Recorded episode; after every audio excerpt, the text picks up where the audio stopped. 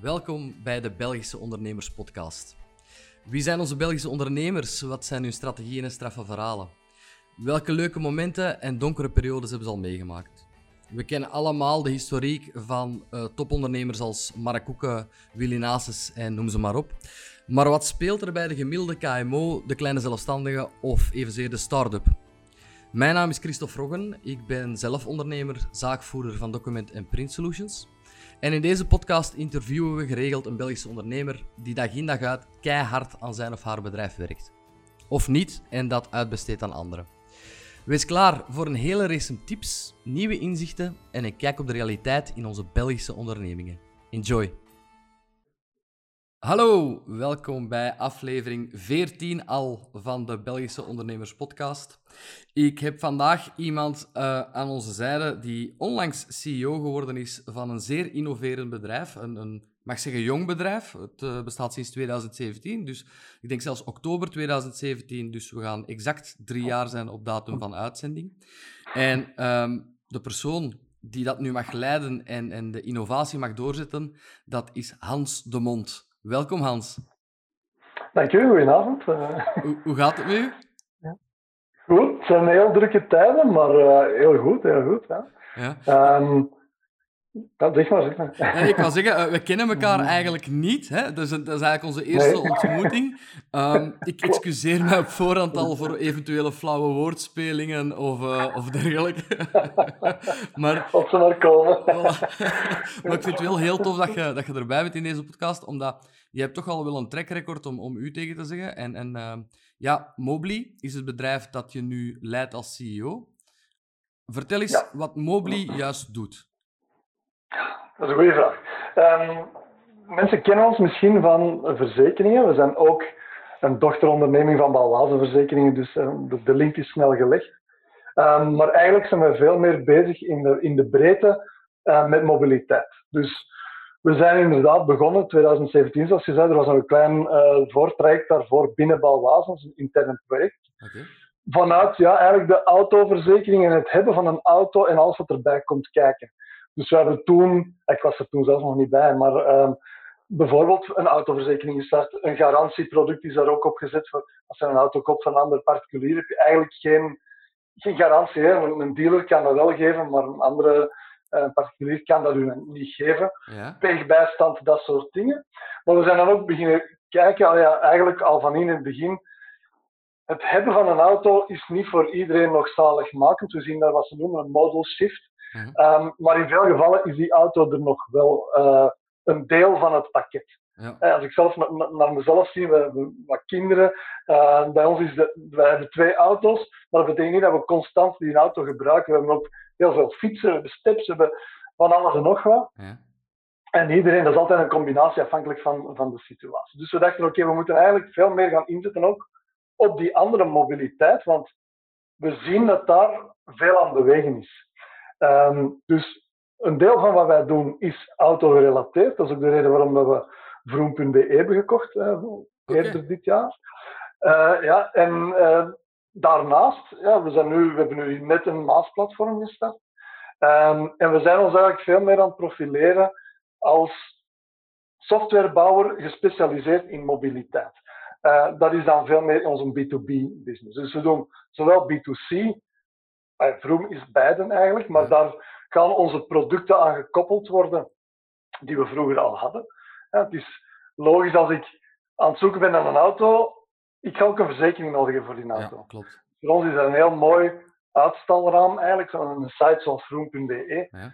om te zeggen, oké, okay, ja, interessante auto, wist je dat de, verzekering hiervoor zoveel kost? Of dat bijvoorbeeld winterbanden voor deze auto, we weten alle gegevens van die auto, die kunnen wij gaan aanbieden in combinatie met als jij een auto koopt of leest of whatever dat er in de toekomst zal zijn.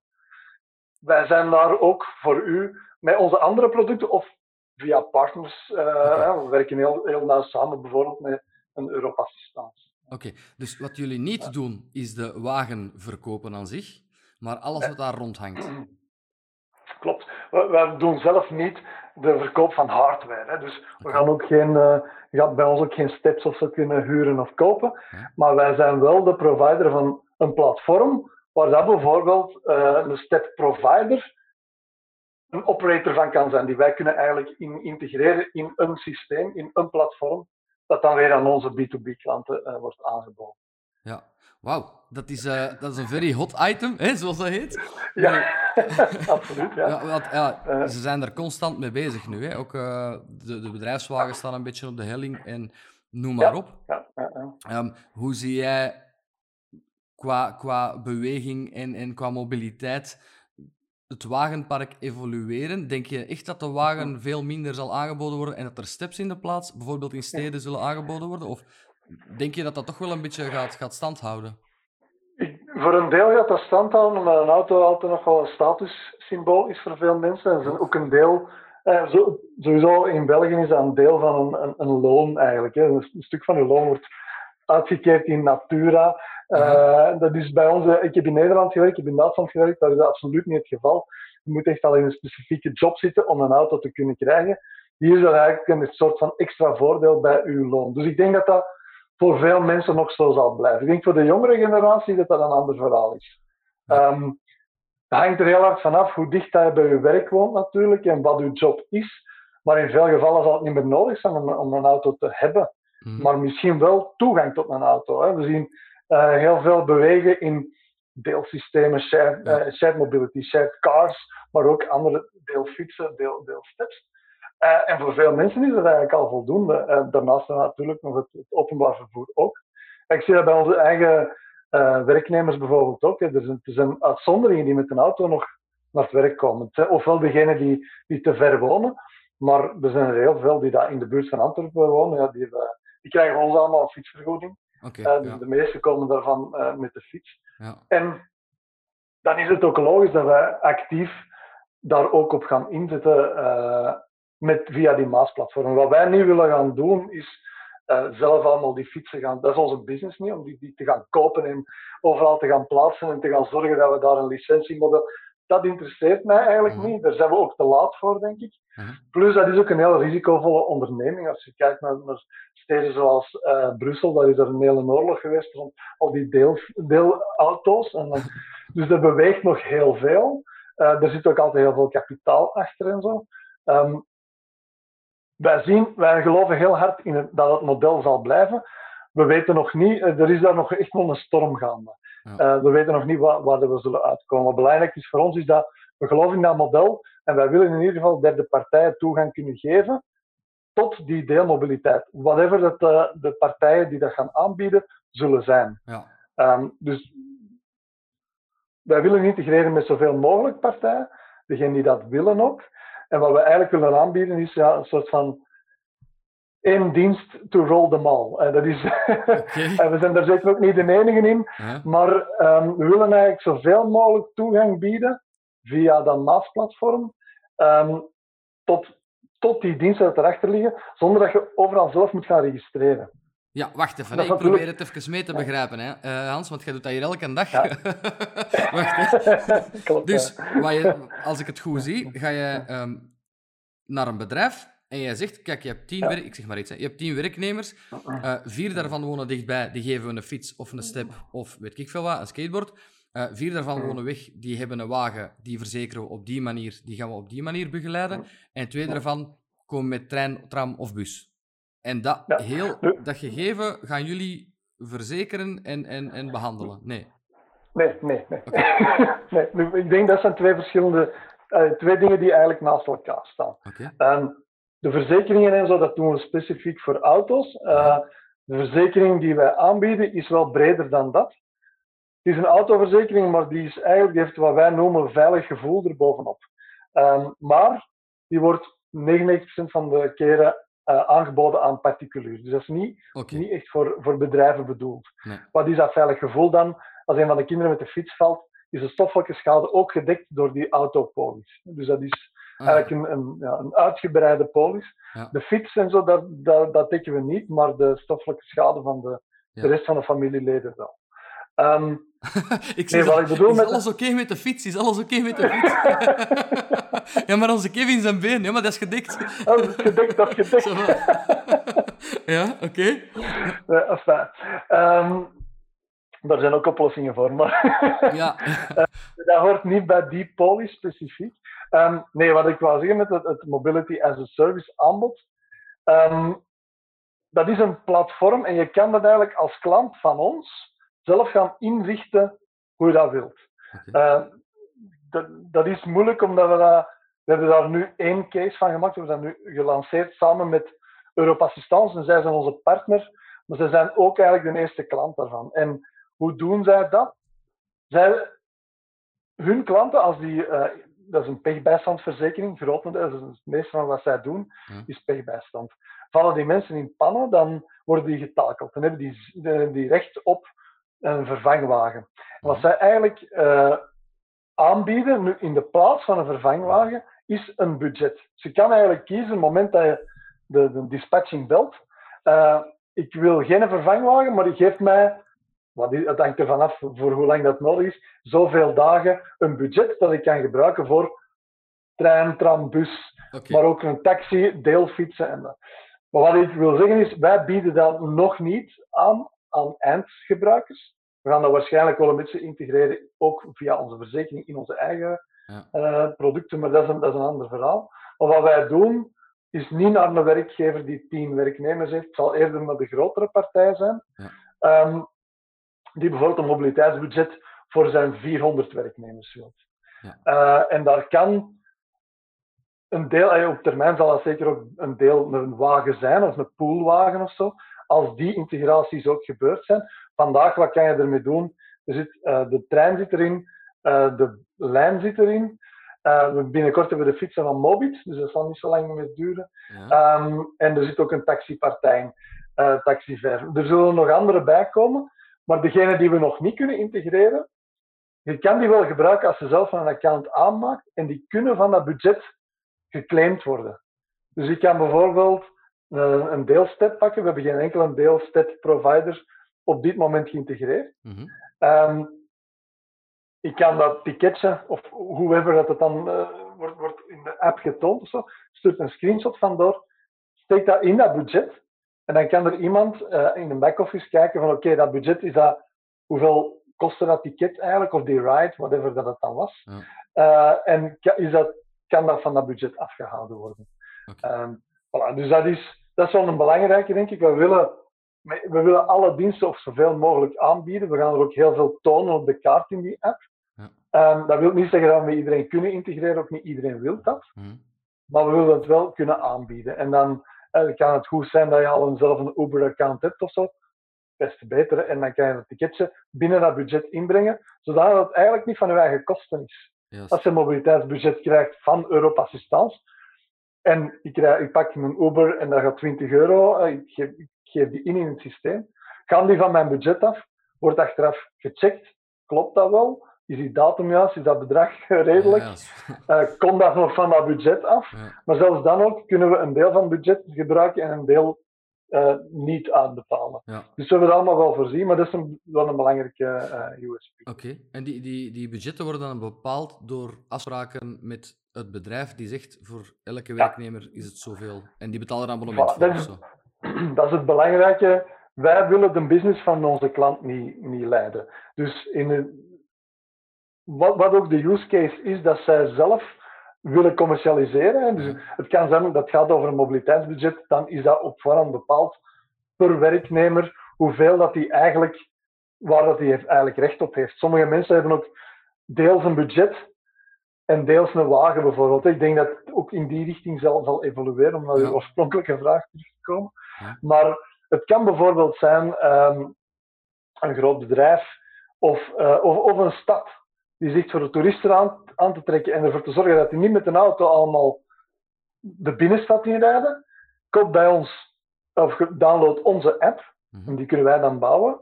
Um, daar zit dat platform achter en gebruik alle diensten die er zijn. Mm En je betaalt bijvoorbeeld eh, 50 eh, euro voor een weekend, maar daar zit 100 euro eh, eh, waarde achter.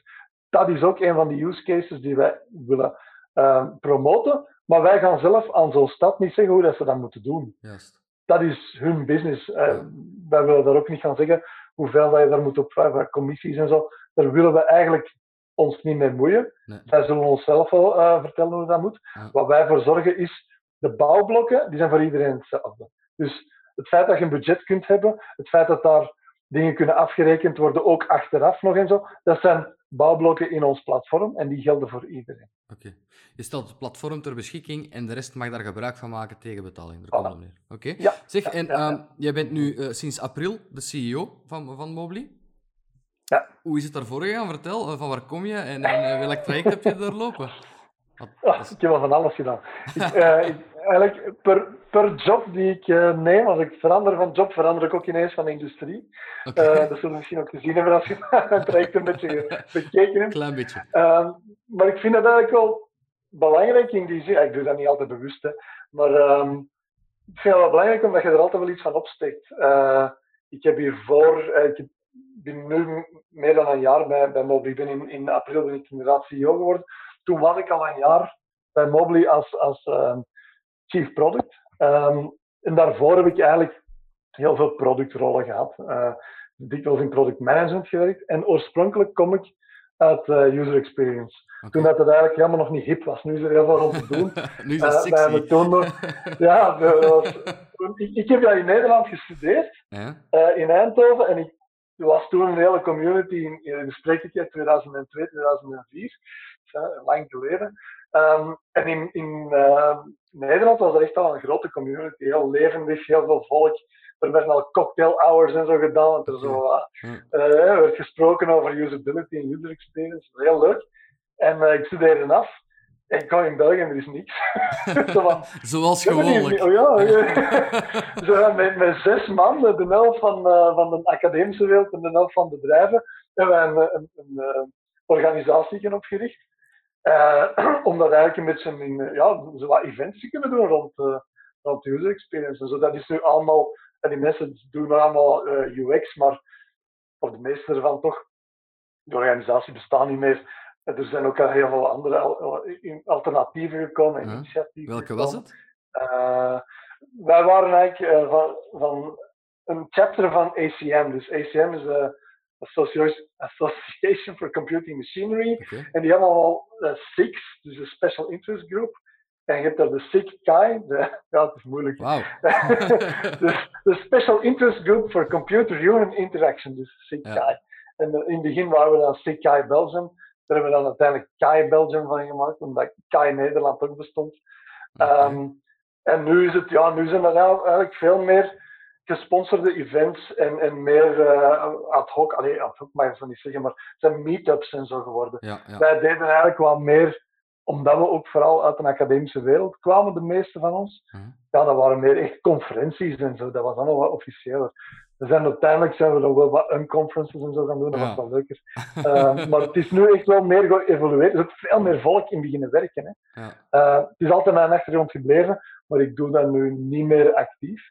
Uh, maar we hebben wel UX-mensen uh, in ons team, uiteraard. Ja. En dat zal altijd. Ik ga altijd wel be bekijken van: oké, okay, uh, doen we hier wel wat eigenlijk onze klanten verwachten? Weten we wel wat onze klanten verwachten? Dat, dat is heilig, hè? Los van het feit dat dat nu de beste usability er rond is. Je moet al van het principe uitgaan: als wij iets doen, moet het voor onze klanten goed zijn. Ja. Anders kunnen we beter niks doen. Um, ja, voor de rest heb ik nog allemaal. Ik heb, ben begonnen eigenlijk dan nadat ik uh, afstudeerde bij um, Alcatel, wat nu Nokia is. Ja. Uh, en daar eigenlijk de eerste keer in contact gekomen aan een start-up. Uh, dat was een corporate venture, officieel dan. Dus wij, wij zaten in de gebouwen van, van Alcatel. eerst een beetje voor research gewerkt en dan vanuit research hadden we van alles rond RFID gedaan. Uh, toen kende er ook nog niemand RFID en Nee, NFC nee, en zo. nee. Wij waren ermee bezig en eigenlijk een bedrijfje binnen het bedrijf opgericht met vijf man. Um, en ja, dat gaan doen, gewoon, dat was superleuk. Uh, plus, ja, je had nog het voordeel dat je eigenlijk wel een beetje beschermd zat. Je zat niet in een echte stad. Je zat wel nog onder de grote paraplu van, uh, van Alcatel. Um, dat heb ik wel, ik ben daar nog redelijk lang gebleven. Uh, die hebben vijf, zes jaar gedaan. Dan ben ik vertrokken naar uh, Astrata. Uh, een telematica bedrijf. Uh, interessant omdat dat nu ook wel terugkomt. We hebben een connected car dongle, dus steekt nu een auto Daar kun je trips mee volgen en zo. dat Hardware zat telematica eigenlijk al. Ja, ja, ja. Ja, je zit dat, steekt dat in de OBD-poort van uw auto. Tuurlijk, Je tuurlijk. weet dat niet. Maar anders. Also, als je ooit al eens uw auto in de, in de garage hebt zien staan, Ja. En ze zeggen zo, ah, nee, dat er foutcodes in, Ja, dan ja. steken ze een kabel in de OBD-poort. Oké, Voilà. ça va. En wij hebben eigenlijk zo'n klein zeggen. stukje. Zeg, mijn OBD-poort is een beetje vuil. Kan dus kassen, ja. Oké, dat, is, eh, dat, is, dat is bedankt. Voilà. Dat heb ik bijgeleerd. En wij hebben eigenlijk een device dat daar altijd in zit. Oké. En die heeft ook zijn eigen GPS-tracker en zo. En je kunt daar dan uw trips mee opvolgen. Eh, veel mensen gebruiken het ook als zelfstandigen.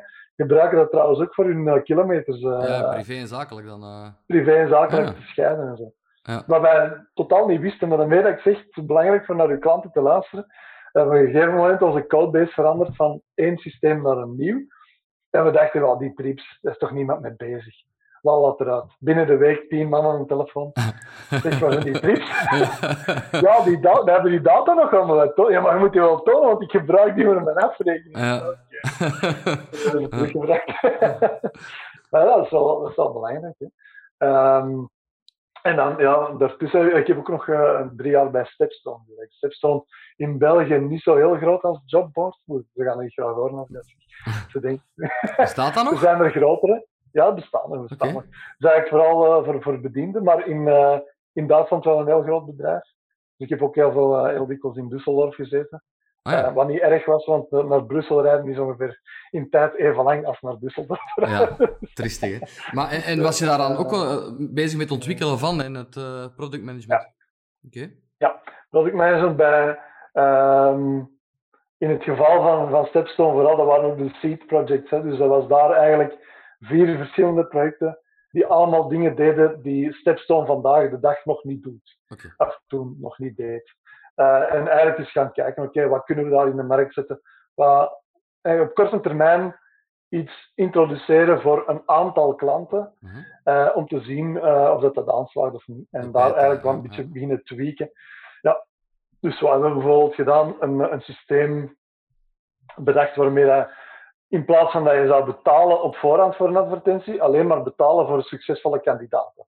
Mhm. Ehm, dat was een van de dingen. We hebben ook ergens een, een job messenger hebben we ook gebouwd. Eh, dus die, waarbij dat je eigenlijk, wat nu dikwijls gebeurt, hè, als je met een recruiter in contact bent, wordt er dikwijls al over en weer gechat via, de, via sms of Ja. via WhatsApp. of Zo. We dachten, eigenlijk is dat veel beter dat je dat in- integreert Ja. in je aanbod naar uw recruiter, want die wil eigenlijk al die messages en alles wat daar rond gebeurt in één systeem. Een beetje Ja. zo, zoals eh, Intercom doet voor, voor, voor customer service. Ja. Dat wilden wij eigenlijk eh, doen op termijn dan met eh, ja, recruiters. Oké. En als dat project gedaan is, of die projecten zijn gedaan, dan vertrek jij telkens. Zo, drop de mic en weg. Nee, nee, nee, dat zou maar even zijn. Nee, nee. Meestal is het gewoon dat er iets anders op mijn pad komt. En ik probeer die dingen dan, die, die rond het dan wel af. En dan ga je naar het volgende. Maar, eh, maar het is ook wel... Je ziet dat sowieso, eh, als je werkt met nieuwe producten, je moet af en toe van je hart een steen durven maken. Mhm. En eh, niet iedereen kan dat. Er zijn echt, zeker developers en zo, die daar maanden aan gewerkt hebben. En dat je ineens zegt van, sorry man, het slaagt niet aan. Volgende week doen we iets anders. Mhm. En op zich is dat voor hun job is dat geen probleem, maar ja, die hebben er wel maanden aan gewerkt. Die hebben er bloed, zweet en tranen in gestoken. En Ja. ik snap dat, ja. Ik- het is niet dat je daar als productmanager anders tegenover staat. Je hebt er zelf ook heel veel tijd en moeite in gestoken. Maar op een gegeven moment beginnen die dingen meer te kosten dan dat ze ooit kunnen opbrengen. En Ja. dan, ja, dan moeten we gewoon eh, zeggen, oké, sorry, dit kan, dat kunnen we niet meer onderhouden. Ehm, dat is anders als je al in een, een established business zit. Maar het laatste, eh, wat ik de laatste tien jaar heb gedaan, is eigenlijk heel weinig established business. Ja. Dus, en ik moest er eigenlijk ook niet lang over nadenken. Toen dat ze mij vro- vroegen, eh, ik, was, ik was even als freelance eh, business analyst aan, aan het werk. En ze vroegen mij, ja, er is een start-up en die zou eens met u willen praten. Ik dacht van, ja, een start-up. Dat ga ik terug doen. Ja, we zijn erbij. ja, omdat uh, de, er heeft zijn highs en zijn lows, maar de highs zijn high. En de lows zijn serieus low. Hè, met Ja. momenten, we, hebben, we hebben dingen meegemaakt met, met eh, ding bij, bij uh, bij Alcatel, dat we, ja, dat zegt van, mannen, ja, we moeten onze naam veranderen. Dat is een ander bedrijf, die zei van, ja, sorry, uh, wij ja, claimen die naam. Okay. Dat was de prefix van onze naam, ja. dat is dan Tiki. En zij zeiden, dat kan niet, wij zijn Tiki Labs. Dus alles wat begint met Tiki, dat is van ons. Oké. Okay. Ja. En dat, is, dat komt heel bij kijken. Je denkt, ja. ja. we waren toen een half jaar bezig of zo. Ja, domeinnaam moet veranderd worden, je moet de hele website gaan updaten. Ja. Uh, en, en je probeert dat nog wel wat recht te trekken, maar op een gegeven moment denk je, oké, okay, nu gaan we overboord. En dan is het ook ineens allemaal neuzen in de andere richting. En vergeet wat er gebeurd is. En we gaan met onze nieuwe naam, en dat was letterlijk aan twee, drie weken. En uh, ja, daar stond echt mijn datum op. Hè. Dat moest die dag, s'nachts om drie uur, moest de server overgezet worden. Wij allemaal wakker om drie uur. Oh, Te zien dat er zeker niks meer stond van die oude naam. Hm. Maar ja, ja. En je kunt, ja, dat, is, dat is heel spannend. Ja. En, en, en dat geeft wel ja, motivatie op zich. Ik denk niet dat dat, dat voor iedereen weggelegd is, dat soort jobs. Maar ja, de beloning van als je, als je dingen ziet lukken, Mhm. Dat is dan wel weer, oh ja, dat is, dat is, superleuk. Hè? Dat, is, dat, is een, dat is anders dan dat je in een business zit waar dat je eigenlijk al de volgende vijf jaar ongeveer kunt voorspellen. Ja. Dat is zo minder voor mij weggelegd, eh, persoon. Dat wordt wat saai voor u dan. Ja. dat, mag, hè? Dat mag perfect. Nu, Ik denk weet dat ook één ding hè, ja. dat is misschien een persoonlijke vraag, maar zit je er altijd met je eigen financiën mee tussen? Want dan is het eens zo spannend en dan snap ik wel... Ja. Enfin, dat is een verschil, hè. Als je er zelf financieel tussen zit, Dat is een groot verschil. voilà, dan is het super spannend. Zit je er niet financieel tussen, ja, dat is leuk en spannend, maar als het niet doorgaat, ga ik het niet door, hè. Laat ons eerlijk zijn. Nee, nee. oh, dat is ja, ja, ja en nee. Hè, want, Ja, eh, Ik in het geval uit, van-. Nee, in nu het geval, als je CEO bent, dan zijn het ook wel bestuurders van, de, Mhm. van een NV en zo. Boah, daar denk je toch wel een keer over na, Snap ook al ik. zitten mijn eigen centen er niet in. Nee, nee. Ehm, de gevolgen kunnen even groot zijn. Ja. Maar, maar dat is wel waar natuurlijk. Uh, langs de andere kant is het ook wel zo dat eigen geld zorgt er ook wel voor dat je soms misschien beslissingen gaat nemen die je anders niet had gedaan, omdat je daar te hard mee bezig bent. Van, dat is wel mijn geld. Te angstig. Ehm, ja, en dat, te- ja, dat je daar een beetje te conservatief soms, Ja. en dat je daarmee dingen gaat missen. En dat je soms wel de vrijheid wilt hebben van oké, we gaan ervoor. Dat kost ons veel geld, maar we gaan ervoor. We geloven erin. En op korte termijn gaat ons dat zeer doen, dat weten we. Maar op lange termijn is dat... En ik denk, eh, Vroom, de, over, de overname van Vroom is daar een heel goed voorbeeld. Ehm, ik zou dan met mijn geld... Allee, ten eerste, ik heb zoveel geld niet, maar... Ik, ik zou, Nog niet, dat, nog dat, anders... Ja, ja, dus ja, ik heb vijf kinderen, dus dat gaat nog lang duren. maar... eh, Nee, maar de- dan, dan denk, je daar denk ik wel wat conservatiever over na. Ja. De- je- je- we hebben een budget, we hebben werkingsmiddelen, maar dat is een heel hap uit dat budget. Maar je kunt er wel wat objectiever over nadenken. En je ziet ook wel, oké, dat, dat steken we erin, maar dat halen we eruit. We gaan er alles aan doen om dat nog te vergroten. We, we hebben zelfs mensen aangeworven specifiek om dat te doen, omdat we ook weten van een deel van die business, daar kennen we eigenlijk helemaal niks van. Hè. Ik heb wel in classified business gezeten bij Stepstone, dat is wel een beetje gelijkaardig. Maar eigenlijk willen wij iets nieuws gaan doen. Ja. Wij willen niet alleen maar leven van die advertenties, hè, want het is meestal classified business draait op de advertenties die je toont Ja. op de website. Ehm, maar wij hebben wel meer te bieden. Hè. We hebben En- daar verzekeringen, we hebben, we hebben producten van, van partners die we mee kunnen gaan pushen, Ja. waarbij dat je eigenlijk een vergroting krijgt van, van je aanbod. En het is niet alleen maar dat zoekertje dat, eh, dat zichzelf moet uh, terugverdienen. Nee, een vergroting van je markt ook. Want het punt is altijd, je moet de mensen Ja. bereiken. Mensen moeten weten dat je bestaat. Hè? Daar komt het toch Ja, op neer. ja. Eh, is dat de Ja. reden dat, dat Vroom bijvoorbeeld in de picture kwam? Dat is een heel grote reden. Ja. We hebben eh, heel veel, als je naar Mobly gaat zien, eh, ik denk dat, wij, dat dat duidelijk is op onze website, dat we heel veel moeite hebben gedaan, al in de voorbije drie jaren, in content marketing, content schrijven. We optimaliseren onze SEO zoals we kunnen. Op het moment dat iemand iets zoekt dat wij kunnen aanbieden, dan gaan ze waarschijnlijk voor heel veel keywords gaan ze bij ons terechtkomen. Ja.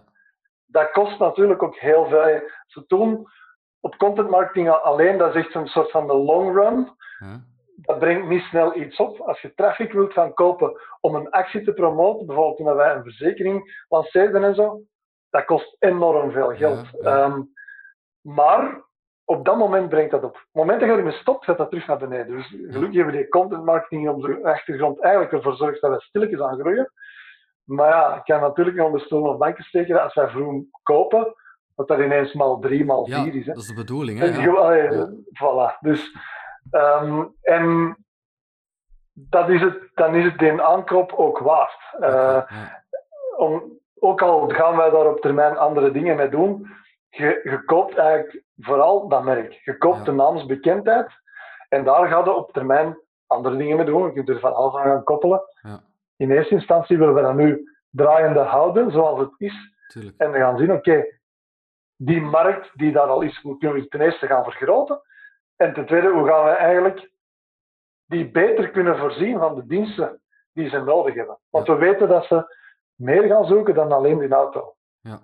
Maar wat dan? Hè? Wat, wat, kunnen we, wat kunnen we dan aan doen? Oké, dus ja, jullie zijn op zoek inderdaad naar naamsbekendheid op verschillende manieren. Ik kan u al, al meegeven, deze podcast heeft tientallen luisteraars en kijkers. Dus hou morgen de mailbox in de gaten.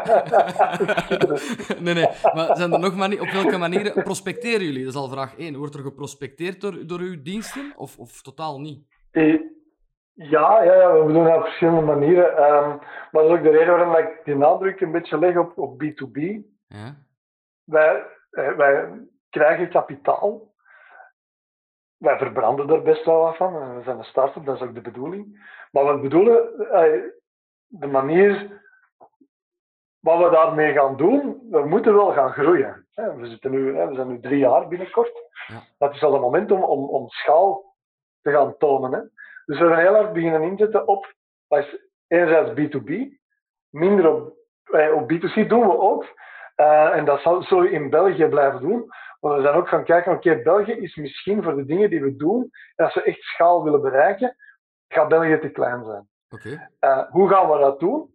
Ja, we weten van een paar dingen dat we zo goed kunnen. En we weten van een paar dingen dat ze werken. Uh, ik ga niet vertellen wat ze zijn, want dat is, dat is onze, onze nee, know-how. Maar, dat doen we dadelijk um, wel. ja, ja. Oké, ja, maar um, nee, maar we hebben bijvoorbeeld heel veel. Uh, we zijn gegaan van een vijf, zestal developers begin dit jaar naar nu meer dan twintig. Oh ja. ja. Effectief specifiek gaan inzetten op. We moeten goede, kwaliteitsvolle software schrijven en die moet van dag één schaalbaar zijn. We weten dat we dat kunnen, we hebben dat in het verleden gedaan, maar we hebben dat alleen voor onszelf geschreven. Nu gaan we dat eigenlijk vergroten en op zo'n manier maken dat de blokken zoals die wij al hadden, door iedereen kan gebruikt worden.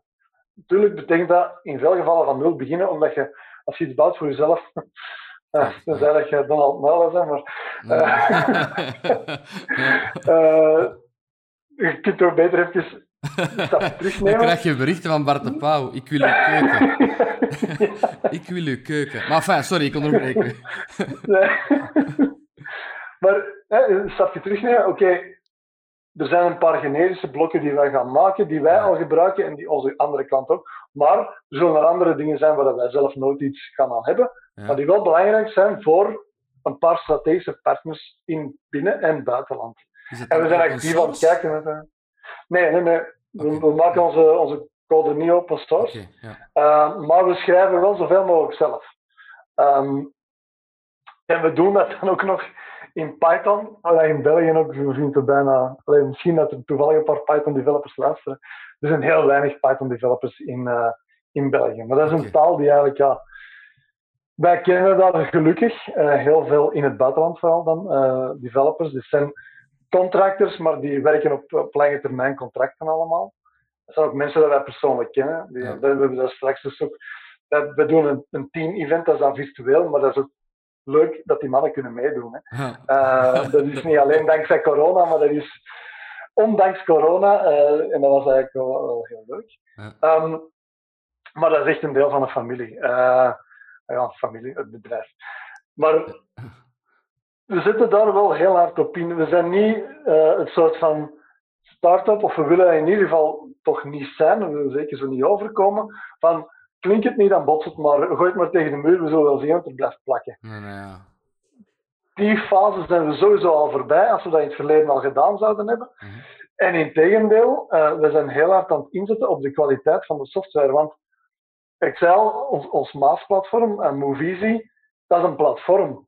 Dat betekent dat iedereen op dezelfde core draait. Ja. In, in C als wij een fout maken in de core, hebben al onze klanten daar problemen mee. dat is ook reclame, hè? Dat mag niet. Ja, ja, ja slechte reclame is ook reclame. Ik zou het niet willen meemaken. Hè. Dus je weet, sommige dingen zijn, zijn, zijn onvoorzienbaar en zullen nog altijd wel gebeuren. Maar sommige dingen, risico, kunnen echt wel opvangen. Maar dan hebben we daar ook de juiste profielen voor nodig. En daar hebben we eigenlijk heel hard op beginnen inzetten. Omdat we ook wel, we willen graag werken met de grote partijen. We willen niet, ja, daardoor kunnen wij ook op schaal gaan groeien.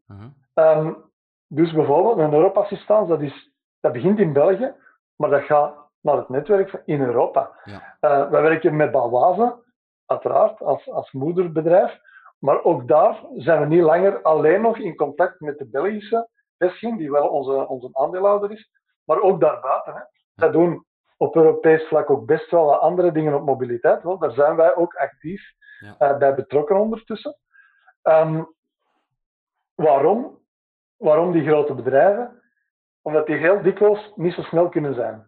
Die hebben ook al die ideeën. Hè. Dingen, dingen die wij doen, zijn niet altijd uniek, hè. maar die hebben niet de middelen om dat snel te doen. Nee. Dus eigenlijk een olietanken en wij zijn een speedboot. Okay. En wij kunnen dikwijls ook al testen waarmee dat die, die B2C-kant voor ons nog super belangrijk blijft. Ook al is dat, die, die schaal niet super hard vergroten. Um, wij meten daar wel wat er werkt en wat er niet werkt. Eh, hoe langer, hoe meer zitten er metrics op om te zien, oké, hoe gaat het publiek daar nu eigenlijk mee om? Waar is er echt vraag voor? Um, en we luisteren ook, wat ik daar zei van die trips, ja, ineens dat, dus is een zelfstandige klant van ons. dat wisten we niet. Uh, maar uh, of ook bij grote bedrijven die, die, als consultant eigenlijk moeten, moeten werken en die zeggen, ja, maar ik moet van kilometers opbouwen, anders moet ik dat gaan bijhouden op papier. Dat is te zot. Ik heb het nou toch in die, in die app zitten, dus dat is, dat is veel beter. Um, maar wij merken daar wel dat wij, wij werken altijd in sprints van twee weken. En elke twee weken kunnen wij aan zo'n grote partij iets laten zien dat veranderd is, of verbeterd is, of toegevoegd is sinds de vorige keer. Ja. En dat is iets dat die eigenlijk in veel gevallen maar van kunnen dromen, want ja, die releasen hun software een paar keer per jaar. Ja, max. Wij releasen elke twee weken. Per, per squad, en we hebben vijf squads, dus we doen continuous deployment doen we nog niet, maar daar, daar, kunnen we naartoe gaan als dat nodig is. Ja. Um, afhankelijk van wat dat, dat uh, project eigenlijk vraagt. Maar daarom dat wij, Moviesy is een heel goed voorbeeld. December vorig jaar waren we nog aan het onderhandelen of dat we het wel gingen doen, uh -huh. samen met Europassistance. En we zijn er in, in februari aan begonnen eigenlijk. Eind januari, begin februari. We waren klaar in juli. Uh, we hebben het aangekondigd in september. Uh -huh. Maar we wilden eigenlijk nog, en weer al, hè, luister naar de gebruikers, we hebben met 200 man getest, zonder dat dat publiek werd gemaakt om te zien, oké, is de interface voor mobility budget, wat dan eigenlijk de eerste app is bovenop het platform, werkt dat wel? En zit er alles in? Snappen mensen ook direct, want uh, je stuurt in een link, ze openen die, ze moeten hun telefoonnummer ingeven ter verificatie, en je zit in dat budget, en dan sta ik nu 180 euro voor de volgende vijf dagen. Dat moet eigenlijk zichzelf uitleggen. Ja. Wat we niet willen, is dat, dat iemand dan alsnog een telefoon gaat opnemen en terug naar de dispatcher gaat bellen. Dus we hebben er echt wel moeite voor gedaan om dat eigenlijk op punt te stellen. En dat kan ook, hè, de interface is nu eigenlijk een white label product. Hè, dus voor, voor andere toepassingen die op dezelfde manier kunnen werken, gaat eigenlijk heel snel uh, binnen, uh, dat is een kwestie van weken, dat je een nieuwe versie voor een nieuwe klant. Oké, okay, dat, ja, maar we zetten daar bewust op in. Dat is niet per ongeluk. Ehm, en ik heb wel wat, ik zeg product management, maar dat is altijd in, in digitale producten geweest. Dus ik denk dat ik daar wel weet waar ik over spreek. Ja. Uh, en je merkt daar wel dat je ten opzichte van wat er dan traditionele business. Ik geloof niet dat er nog heel veel getransformeerd moet worden. Hè. Bijna elke business is ondertussen een digitale business. Ja. Um, maar je merkt daar wel het verschil tussen uh, de durvers en de doners. En dan degene die dat denken van ja, de, de MeToo-producten. Komt wel. Ja, ja, ja, we zullen wel volgen. Ik denk dat je dan niet lang gaat kunnen overleven. En wij willen eigenlijk vooral kijken, oké, de grote die wel willen, maar het zelf niet kunnen. Mhm. Ja, je kunt heel snel bij ons eigenlijk dat opzetten. En je, wij, je kunt ook als model kunt ook meegroeien met je eigen markt en wij groeien mee. Ja. Alles is serverless opgezet. Dus als uw, pro- als uw eh, klantenbasis groeit van een paar duizend naar ineens 500.000, zeg maar iets, dat kan.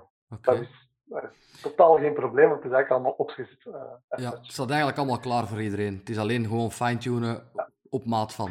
Ja, op maat van. En dan eh, gaan we gaan kijken van oké, we hebben eigenlijk ook alle profielen aan boord al, en gelukkig, om dat te gaan customizen en gaan tailor-made eh, dingen te doen. Dus voor Europa Assistance hebben we dat nu gedaan met een PWA. Dat is de eerste keer dat we een progressive web app eh, hebben gemaakt. Een beetje een, een, webpagina die het, het midden houdt tussen eh, een app en een website. Eh, werkt heel goed op Android. Het is ook door Google een paar jaar geleden uitgevonden. Ja. iOS is een beetje aan het volgen. We hebben daar ook nog niet alle, alle toeters en bellen boven gehaald. Je kunt die eigenlijk, dat is eigenlijk een website, maar je kunt die laten eh, volledig eruit zien en, en zich gedragen als een native app. Ja. En zeker op Android kun je daar dan echt notifications en zo, zonder dat je langs een App Store moet passeren. Want dat is het grote probleem. Als je zou zeggen van oké, je staat nu in pannen, die mensen staan al in een stresssituatie, Mhm. en nu moeten we naar een App Store gaan en een app downloaden. Downloaden Welke app is dat dan? Hè? Ja, nee. En wat is mijn paswoord? ja, voilà.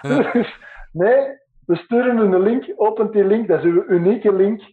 En je raakt, met, we verifiëren, we verifiëren één keer je telefoonnummer en je zit erin. Ah, En dat is, uw interface is alleen van u. Ja. En dat is specifiek zo gedaan. Dat is natuurlijk anders als je een mobiliteitsbudget van een werkgever gaat doen. Juist. Die gaat waarschijnlijk wel willen, ja, ik internationaal bedrijf, ik wil dat aan een paar duizend mensen eh, aanbieden. Ja, ze kunnen dat toch wel downloaden, die app. Dat is geen, dat is geen urgency. En dan heb je de mogelijkheid om een, en een app. En wij hebben twee app developers on board ook, dus wij kunnen onze eigen apps maken. Onze Mobligo app trouwens ook. Ehm, voor eh, Android en voor iOS. Dus, eh, Oké. Zeer uitgebreid en een, een team van een 30 man, als ik me niet vergis, als ik het goed ongeveer, ja, heb. ongeveer. Eh, wat, is jouw, wat is jouw dagdagelijkse job? Waar hou jij je mee bezig? Nee, wacht, ik had anders vragen. Om laat sta je op? Wat gebeurt daartussen? En om laat ga je slapen? Eh, ik sta op om kwart voor zeven. Dat valt nog mee. Hè. ja. Ehm, maar dan moeten er vijf kinderen wakker gemaakt worden. dus, eh, eh, en er moeten dan nog verschillen. Er moeten vier kinderen op drie verschillende scholen geraken. En dan is het tegen het daar rond is, is het kwart na acht, half negen. En dan, eh, dan begint eigenlijk mijn dag. Nu, in de meeste gevallen begint het dan effectief hier, in mijn bos. Ja. Dikwijls- ik, ga, ik ga meestal één of twee keer per week ga ik wel eens naar het kantoor, maar het zijn, het zijn moeilijke tijden. Ja. Eh, voor, om daar allemaal samen te gaan zitten, dan raden we sowieso af. En de, regering raadt dat ook af, dus we gaan dat zeker niet heiligers doen. Ehm, maar voor sommige mensen is het ook gewoon af en toe nodig om iets van hun appartement of van hun huis weg. Ja, ja. gaan even eh, rust. Dus eh, we hebben een, een schema waardoor dat iedereen gespreid kan zitten. We hebben een vrij groot kantoor, gelukkig. Ehm, en dan weten we ook op voorhand hoeveel mensen daar zitten. Je zegt maximum zeven man, dan kunnen we de spreiding zeker garanderen. Eh, en mensen houden zich er ook wel aan.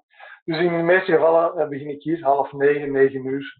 Eh, om negen uur, twee dagen in de week, is dat Mobili Café. Hopla, dat begint goed. Waarom doen we dat? Dat is eigenlijk Mobili Coffee. Hè, maar, Ja, ehm, omdat we wel het moment aan koffiemachines morgens missen. ja. En Café is compleet eh, eh, vrijblijvend. Dus sommige dagen zit daar niemand. Dat betekent dat er niemand zin had om te babbelen. En soms zit er tien man. Ja. Ehm, en dat gaat, eh, het is gewoon een half uur en babbelt maar. Hè, en dan wat. Dikwijls na het weekend eh, mensen wat te vertellen en Ja. zo. En dan, dus de maandag is dikwijls wel een gegeven dag. Woensdag is al wat minder. Die wordt meestal ook al wat opgeofferd voor andere meetings. Ik kan er ook niet altijd zelf bij zijn. Ja. Eh, want mijn, ik, dikwijls beginnen meetings kwart voor negen, negen uur. Eh, ik probeer te vermijden dat heel mijn dag vol meetings eh, zit. dat is niet altijd gegarandeerd, maar ik probeer mijn, mijn, dag, wat te blokken. Zo. En wat doe ik dan? Ehm, tegenwoordig heel veel bezig zijn met strategie. Mhm. Omdat we langs de ene kant uh, Vroom hebben gekocht en daar een ander verhaal aan willen geven. We hebben, uh, in september is, is Donald bij ons begonnen, Donald Wolfs, onze Chief Customer Officer. Specifiek om het commerciële gedeelte. Vroeger deden we heel veel wat wij dan de commerciële kant vonden, maar het was eigenlijk marketing en vooral traffic kopen. En okay. ervan uitgaan, als mensen naar onze website komen, dan gaan ze dingen van ons kopen. Mhm. Zo simpel is dat eigenlijk niet.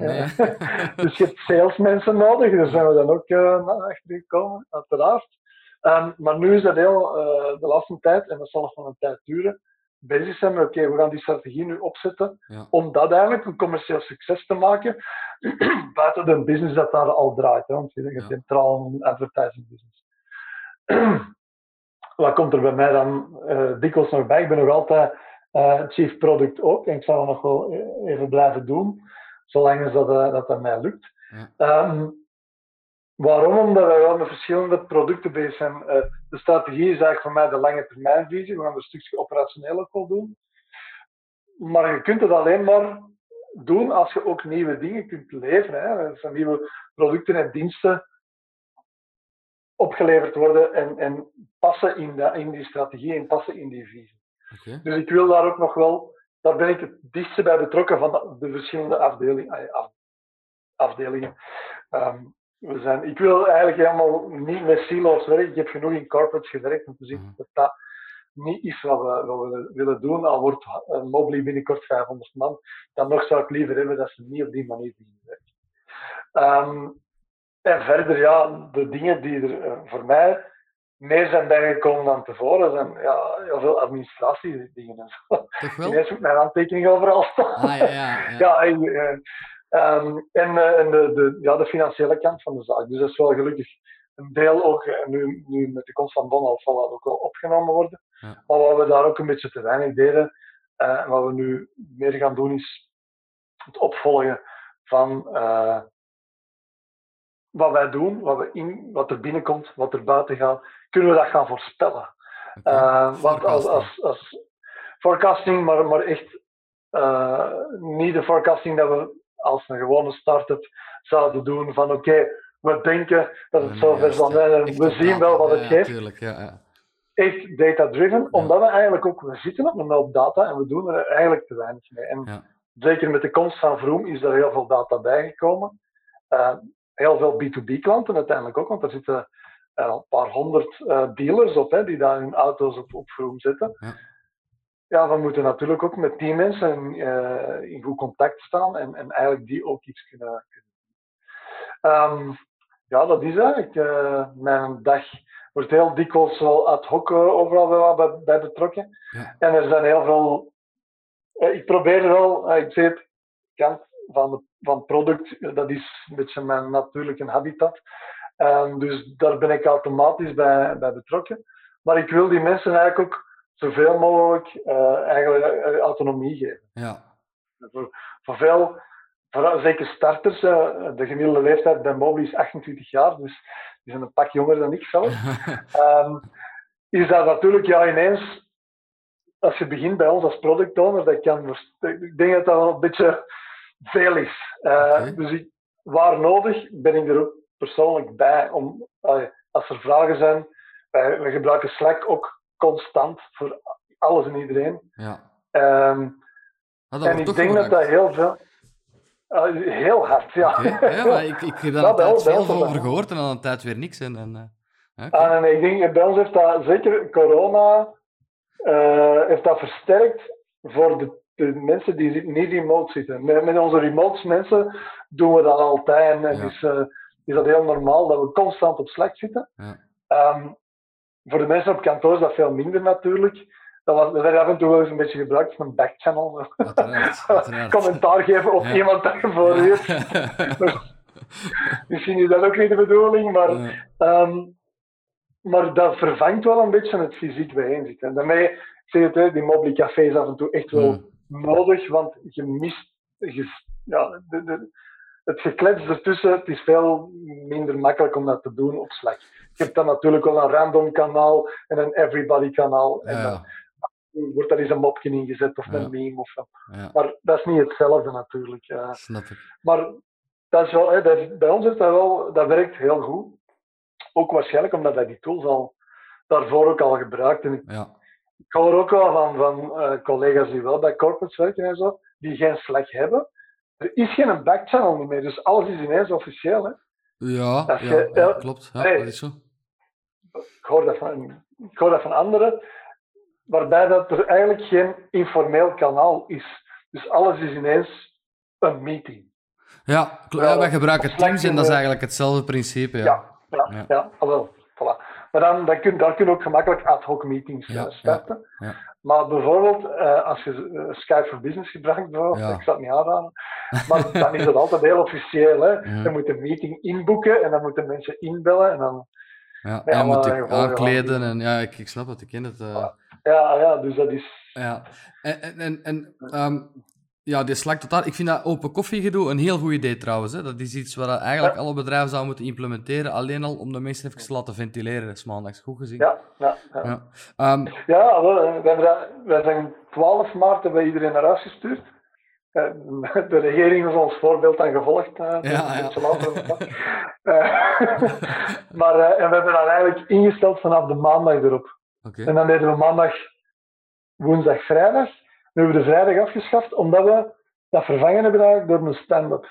Eh, en de stand-up, de mensen die, of de teams die in sprints werken of in scrum werken, kennen dat wel. We doen dat dagelijks. En de developers zeggen waar dat ze mee bezig waren en waar dat ze hulp mee nodig hebben en wat ze ja, vandaag gaan doen of weet ik veel. Ja. Ehm, wij doen dat één keer in de week.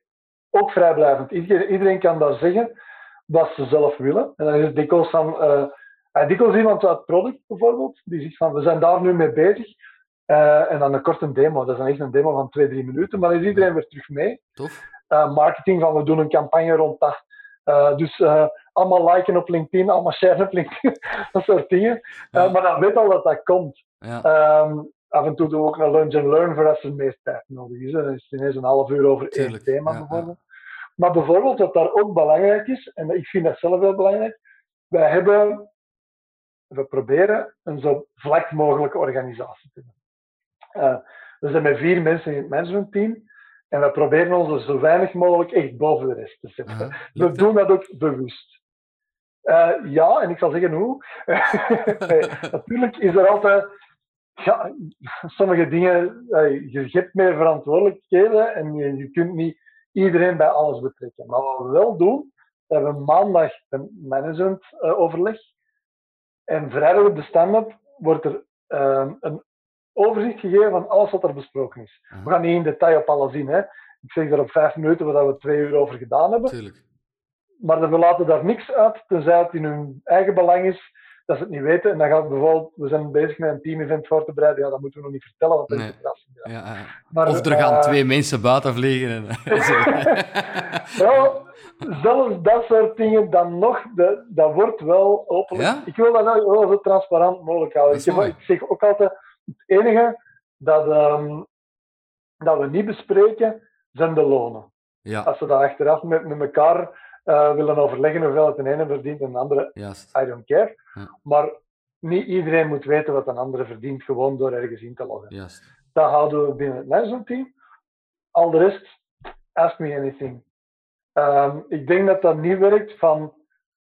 Hey, we hebben dat ook al wel anders gehad. Hè? En dan, dan is dat heel raar, zeker als je fysiek bij elkaar zit. Ineens verdwijnt daar een aantal mensen. En die Mhm. komen terug en die zeggen niks over wat er gebeurd is. Ja, dat is niet aangenaam. Klopt. En je hoort daar niks meer van. Hè? Ja, Je, je weet totaal niet wat er gebeurt. Dus we dachten, oké, die stijl, daar moeten we mee stoppen. ja. Ehm, dus we gaan volledig, volledig transparant zijn. En ja, dat kan zijn dat we daar af en toe dingen zeggen die dan gevoelig liggen. ja. En we, hebben- we hebben dat nu, eh, we hebben gehad met een medewerker die vertrekt. Ja. Oké. Niet iemand dat ontslaan, Nee, nee. maar iemand die zelf vertrekt. En dat, dat wordt daar besproken. En voor zover dat wij daar omkadering kunnen geven, zeggen wij dat ook. Ja. Ehm, we moeten mensen hun, hun persoonlijk leven er niet op tafel leggen. Maar zoveel als dat we kunnen delen, wordt met team openlijk gedeeld. Hè? Absoluut. Ja, dat, dat, Dat is werkt ook anders niet. Dat werkt ook anders niet. Ik geloof dat niet. Ehm, want dan gaan mensen het zelf beginnen interpreteren. En dat is erger. Ja, het punt is, hoe groter dat je Ja. team wordt, hoe erger dat dat wordt. Hè? Dus Ja. zit jij met een klein familiaal team, perfect. Maar Ja. als je, zoals Ja. gezegd, bijna 30 mensen, ja, dan moet je het bijna op die manier gaan aanpakken. Of je er volledig boven stellen en niks zeggen. Ja, maar dan, dan, wordt, het een, ja, voilà, dan wordt het een heel ander verhaal. Voilà, dan heb je niks maar- meer eh, aan je mensen ook niet eigenlijk. Hè? Nee, nee, nee. Ik, ik zit daar ook liever tussen. Ja. Eh, want ik, ik, denk ook al een beetje als je zelf een muur gaat op, opbouwen, dat werkt langs twee kanten. Hè. Mhm, Dan hoort ook niks meer. Hè. Nee. Dan gaat er niks meer tot bij u komen. Nee. Eh, en nu wel, hè. mensen, iedereen mag mij alles vragen. En Ja. meestal gebeurt dat ook via Slack. Eh, en ja, doe maar. En als, en als, er- als ik vind dat we er moeten over bellen, dan moeten we erover bellen. Oké. Oppassen met sociale media, man. Ik heb van... Allee. Meer zeg ik niet. Oké, hoe laat heb je dan gedaan? Want daar heb je nog niet op geantwoord. Eh, meestal rond een uur of ja, zes uur, half zeven. Ja. Dat, is, dat zijn geen eh, abnormale dingen. Eh, maar het kan zijn hè, dat, er, dat er andere dingen bij komen. Eh, of dat dingen echt af moeten. Ja, dan, eh, wat ik meestal wel doe, is... Ik eet nog wel liefst samen met de kinderen en Mhm, zo. Eh, maar is dikwijls dat ik daarna nog... eh, Ja. mee- doe dat stopt ook nooit. Ja. Maar ik... eh, ik zit nu al een, een aantal jaar in dat, dat soort managementrollen. In management stopt je job nooit. En dat weet je ook als je eraan begint. Mhm. Ehm, dus voor mij hoort dat erbij. Ik zeg ook tegen iedereen, het werk moet gedaan zijn. Ik ga niet uw uren tellen. Nee. Eh, ik ga me er niet mee bezighouden. Ik ga niet om vijf uur zuchten als je doorgaat. Eh, het kan goed zijn dat je overdag naar de winkel gaat. Doe dat vooral. Dan gaat het s'avonds veel minder lang in, in de film moeten staan. Hey, dus het resultaat is wat dat telt.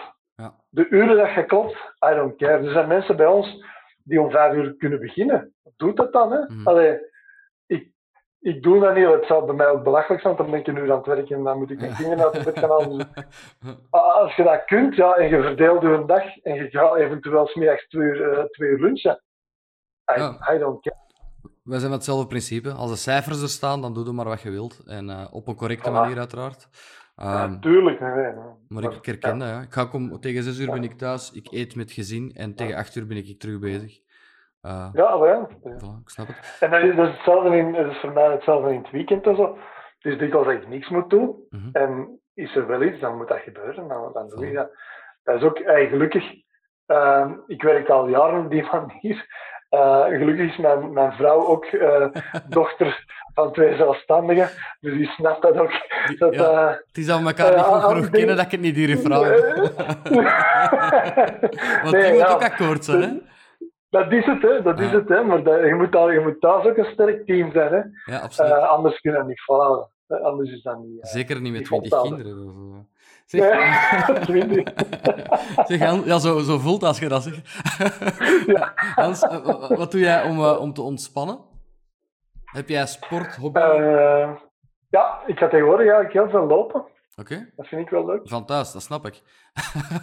Ja, ja, ja letterlijk. hè. Nee. Eh, nee, ja, eigenlijk, mijn, mijn familie, dat klinkt heel melig, hè, maar mijn familie is wel mijn hobby. Mhm. Eh, ik ben wel een family man, ik vind dat helemaal geen, eh, geen verwijt. Ja, ah, je hebt er ook bewust voor gekozen. Hè. te- zeker. hebben- we hebben vijf kinderen, Ja. waarvan twee geadopteerd, dus dat doet ook niet Ah. per ongeluk. Nee, nee, nee. Dus nee, dat is, dat, dat is een heel groot deel van ons leven en dat is ook iets dat wij zo, zo wilden. Ehm, ik geniet ook van mijn tuin en mijn huis. En er wordt nog heel veel in gedaan. Vandaag zijn ze een oprit aan het, eh, aan het aanleggen. En zo. Nee, ik vind dat allemaal heel, heel leuk. Ehm, maar aan de andere kant, wij reizen ook graag. Eh, het is nu iets minder. Ja, Maar eh, we, zijn wel, we zijn in Frankrijk geraakt. In Denemarken mochten we niet binnen als België, helaas. nee, oké. Eh, maar oké, nee, ja, dat, een dag voordat we gingen vertrekken, heeft Denemarken gezegd, ja, nee, België mag niet meer binnen. Ah, zo racistisch ook. Nee, voor de goede orde, Hans. eh, ik, ik, ik, ik wil ja. er toch even tussen smetten. Ik heb ook vier kinderen, dus ik snap wel eh, Voilà, waar ja. dat vandaan komt. Ja, absoluut. Nee, Ja. En voor de rest, ja, ja, ja. Dat is uw ontspanning, hè? Uw, uw tijd met uw gezin. Ja, voilà, absoluut. We hebben ook veel huisdieren en zo. Dat is hier gewoon een gezellige boel. Ja. Uh, voor veel mensen, ik denk als je hier komt, gaat dat overkomen als totale chaos en entropie, maar dat is bewust zo, zo gedaan. Uh, uh, allee, ja. Bij ons in de gang hangt een bord met maak je geen zorgen, het is maar chaos. Ja, voilà. Oh, ik, wil, ik wil eens een foto gaan trekken. Ja, ik zal het doen, ik zal het doen. Nee, maar dat is ook zo. Dat, ja, ja. dat is ook zo. De, ja, je kunt dat niet allemaal organiseren. Je kunt dat wel proberen en je kunt de kinderen er ook proberen in mee te gaan, maar je weet dat dat in veel gevallen onbegonnen werkt. Ja, totaal. Je moet dat ook ja. kunnen loslaten. Je moet er ook een beetje van kunnen genieten dat, dat, dat er dingen gebeuren rondom u. Ja. Ik, zou, ik zou het heel triestig vinden dat die stil is. ja, snap Dat is ook meestal een slecht, een slecht voorteken als het ineens er eens stil Ja. wordt. Ja. Dan denk je, misdaan. we zijn niet aan het uitsteken. Maar eh, eh, het is wel lastig werken, dat wel, hè? Enfin, voor mij persoonlijk, ik Ja, vind dat de, wel, dit nu is nieuw. eh, Gelukkig, we zijn hier nog een paar ruimtes aan het inrichten. Maar dat was wel nodig in corona. Ik kon niet, kon niet gewoon gezellig in de, in de living zitten. Eh, in het begin deed ik dat wel, ook voor Mobile Café doen we dat af en toe wel. Ja. Dan krijg ik commentaar van iedereen van, zie die vogel. die vogels in de living. Oké, Die hoorden natuurlijk, hè. ja, Die doet ja. trouwens de ringtoon van mijn vrouw nou ook, dus... eh, Zalig. dat is, dat is zo'n aandacht heel dat vindt als te bellen. Maar, eh, nee, dus, dus dat is wel belangrijk, Huh? dat je iets hebt waar je kunt afzonderen. Dat heb ik wel gemerkt. En de kinderen weten ook al, als de deur toe is, dan moeten die niet binnenkomen. Eh, gelukkig willen die ook niet in beeld komen. Die weten, als de deur toe is, ja, dan is er een vergadering bezig. Dus stap ik binnen, dan kom ik mee in beeld en dat willen ze dan best. oké, oké. Ehm, maar ze, en ze zijn allemaal oud genoeg om te snappen dat ze, Ja. dat ze dat ook niet mogen. Eh, dus ze houden zich er eigenlijk wel goed aan. Alleen ja, lawaai, hè, dat kunnen we soms niet tegenhouden. Nee, De honden die zitten te blaffen of zo, ja, dan, ja, dat hoort erbij. dan moet je dat niet doen. Hè. Ja. Voilà. Ik heb, ik heb het gevoel dat ik met u nog, nog drie uur kan, en dagen kan verder praten. Maar ik ga toch een afrondende vraag stellen, Hans. Ik denk dat ik je gewoon nog eens ga uitnodigen en dan klappen we gewoon verder. Nee, ehm, ja, eh, sinds 2017 bezig. Eh, volgende week drie jaar met Mobly. Waar willen jullie staan binnen vijf jaar? Ehm, zeker in Europa. Eh, de, de, de plannen die wij hebben zijn echt wel ehm, buiten België ook te gaan groeien. Mhm. Samen met, als het kan, grote en vooruitstrevende partners die in ons eigenlijk iets zien wat ze zelf niet kunnen, maar wel, wel graag zouden willen doen. En vooral dat wij de kwaliteit kunnen leveren sto- om die software die zij nodig hebben eh, te kunnen garanderen. Mhm. Ehm, en ook de snelheid waarmee dat zij op hun markt eigenlijk een, een advantage houden ten opzichte van hun, eh, hun hun concurrenten. Eh, wat betekent het dan? Ja, vooral, wij zien verschuiving in mobiliteit. Eh, wat dat zal zijn over vijf jaar, ik heb geen kristallenbol. Ik heb al Nee. een paar dingen die, waar ik aan denk, eh, deelmobiliteit gaat blijven. Ehm, heel het Maas gebeuren gaat blijven. Er gaan wat consolidaties gebeuren, daar ben ik er redelijk zeker van. Ja. Dat gebeurt nu in automotive ook heel hard. Al bezig, hè? Ja. Ja, ja, ja, gewoon al als je kijkt naar dealerships en zo, die, heel die, dat ecosysteem is aan het veranderen. Kleine dealer, dealers gaan eruit, holdings komen eigenlijk in de plaats. Ik zie zelfs, Die, er is een heel moeilijk, oh, ja, zie zelfs er wagen... is een moeilijk evenwicht tussen de importeurs en zo. Dus Ja, absoluut. Ik zie zelfs is, wagenbeheerders, allee, wagenparken, eh, beheerders, fietswinkels overnemen. Dus alles begint door elkaar te lopen. ja, ja, ja, effectief. Maar ik denk, ehm, waar gaan we naartoe? Elektrificatie, dat gaan we zeker niet meer kunnen tegenhouden. En des te beter. Ehm, dus daar, daar gaan we zeker nog in groeien. Ehm, daar gaan wij ook nog wel wat eh, aan, eh, aan de weg timmeren, denk ik. We hebben dat in het verleden een beetje gedaan. En dat gaan we in de context van Vroom hopelijk over binnen dit en vijf jaar zeker dat dat een, een groot deel zijn van wat daar gebeurt. Ook die tweedehandsmarkt ook, is eigenlijk heel hard aan het opkomen. Hè. In Nederland hebben we dat heel, heel hard gezien. Uh-huh. Verwacht hetzelfde voor België trouwens. Ehm, wat is er dan nog allemaal aan te komen? Eh deelmobiliteit. eh, data. Ik denk data is, is een hele belangrijke. Ehm daar wij vorig jaar een, een half jaar echt intensief mee bezig geweest. Ik persoonlijk, vanuit product ook. Om daar nu commercieel iets mee te doen was eigenlijk te vroeg.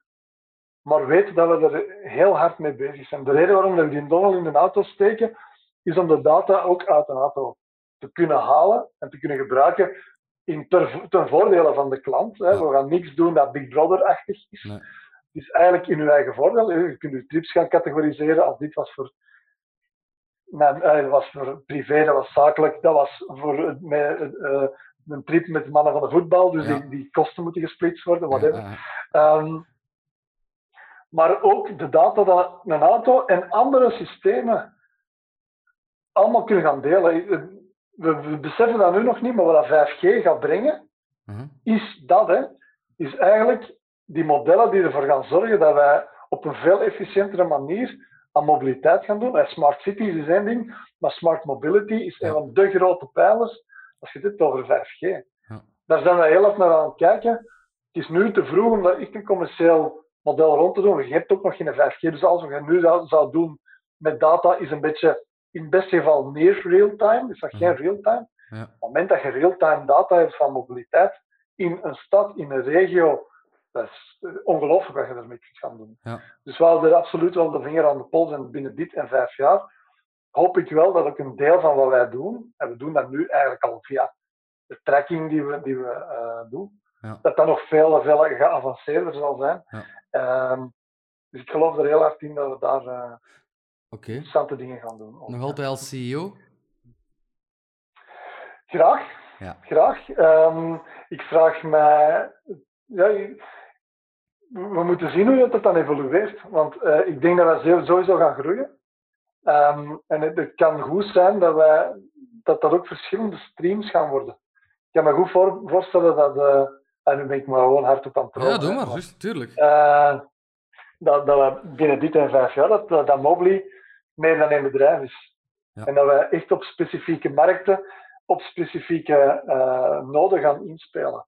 Ja. Eh, nu is dat nog heel, heel veel verkennend, maar het kan goed zijn dat dat eh, heel hard gaat, op het moment dat we een grote deal binnenhalen. En Ja. daar zijn wij volop mee bezig, met, met dingen op te zetten die groot kunnen worden als het nodig is. Oh, ik wens er nu Ehm. zo hard toe, hè. Ik, vind, ik, ik, ja, ik ben echt content dat je het. Ik vind je een sympathieke mens. Ik wens er echt heel hard toe. En je spreekt er met zoveel passie over. Allee, het is, eh, het is fantastisch. Dat moet, hè. Dat is- Goed, ik ga Ik doe eh, niks als ik er niet kaart in geloof. Dus. Nee, dat is duidelijk. Dat is heel duidelijk. Oké, eh, Hans, bedankt voor uw tijd. Ik ga even afscheid nemen van de kijker. Sorry dat ik moet onderbreken, maar anders wij kunnen echt uren doorpraten. Ik weet dat denk ook, ja. Ja, klein secondje, hè. Vo- Voilà. ehm, bedankt iedereen om weer de volledige podcast uit te luisteren, kijken. Ehm, tips, tricks, ondernemers die u graag aan het woord wil, eh, die ik mag contacteren, kan contacteren, om mee te doen aan deze podcast, kan op info.belgische koppelteken ondernemers.be. Instagram Belgische underscore ondernemers liken. Ehm, je mag altijd een foto posten van hoe en waar u naar de podcast luistert. Misschien maak ik er wel eens een wedstrijd van dat je iets kan winnen. Een, een, een mobiliteitsabonnement of zo, weet ik veel. We zien nog wel. Ehm, in elk geval bedankt. En eh, Hans, ik, eh, je bent weer in beeld. Leuk dat je lacht, dank u. We gaan er weinig niet zien lachen, denk ik. Ja, hoor. Nee, eh, on- on- ontzettend bedankt om erbij te zijn. Bedankt Ik, dat ik mijn verhaal mocht doen. eh. Ja, dat, dat is super graag gedaan. want Dat is heel eh.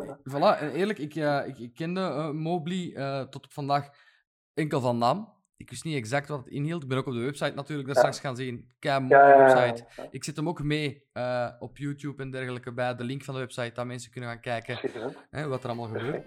Ehm, en ik, ik wens u ja, ontzettend veel succes. Ik hoop dat we elkaar post-corona ook nog eens kunnen tegenkomen in real life. Hè, dan, Dat eh, zou aangenaam zijn. hè. Voilà, dan eh, kunnen we... Dan drie keer goed. Ja, Ja, ja, dat zal niet mankeren. Ja. En, en, eh, Heel goed. Ik, Perfect. eh, ik, ik zie, ja, we zijn nu drie jaar. Eh, stel je nu voor dat het hier allemaal goed blijft gaan met, met zowel de podcast als met Mobly. Ja, dan zou ik toch graag binnen, binnen exact drie jaar terug die podcast doen. Te zien Ah, waar dat je Ik zet het in mijn agenda. Ik maar. zet in mijn agenda. Stuur Voilà. even een uitnodiging. Dat Oké, goed. dankjewel Hans. Heel goed. Eh, en, en ja, graag tot de volgende keer. Perfect. Bedankt hè. Dag. Tot de volgende.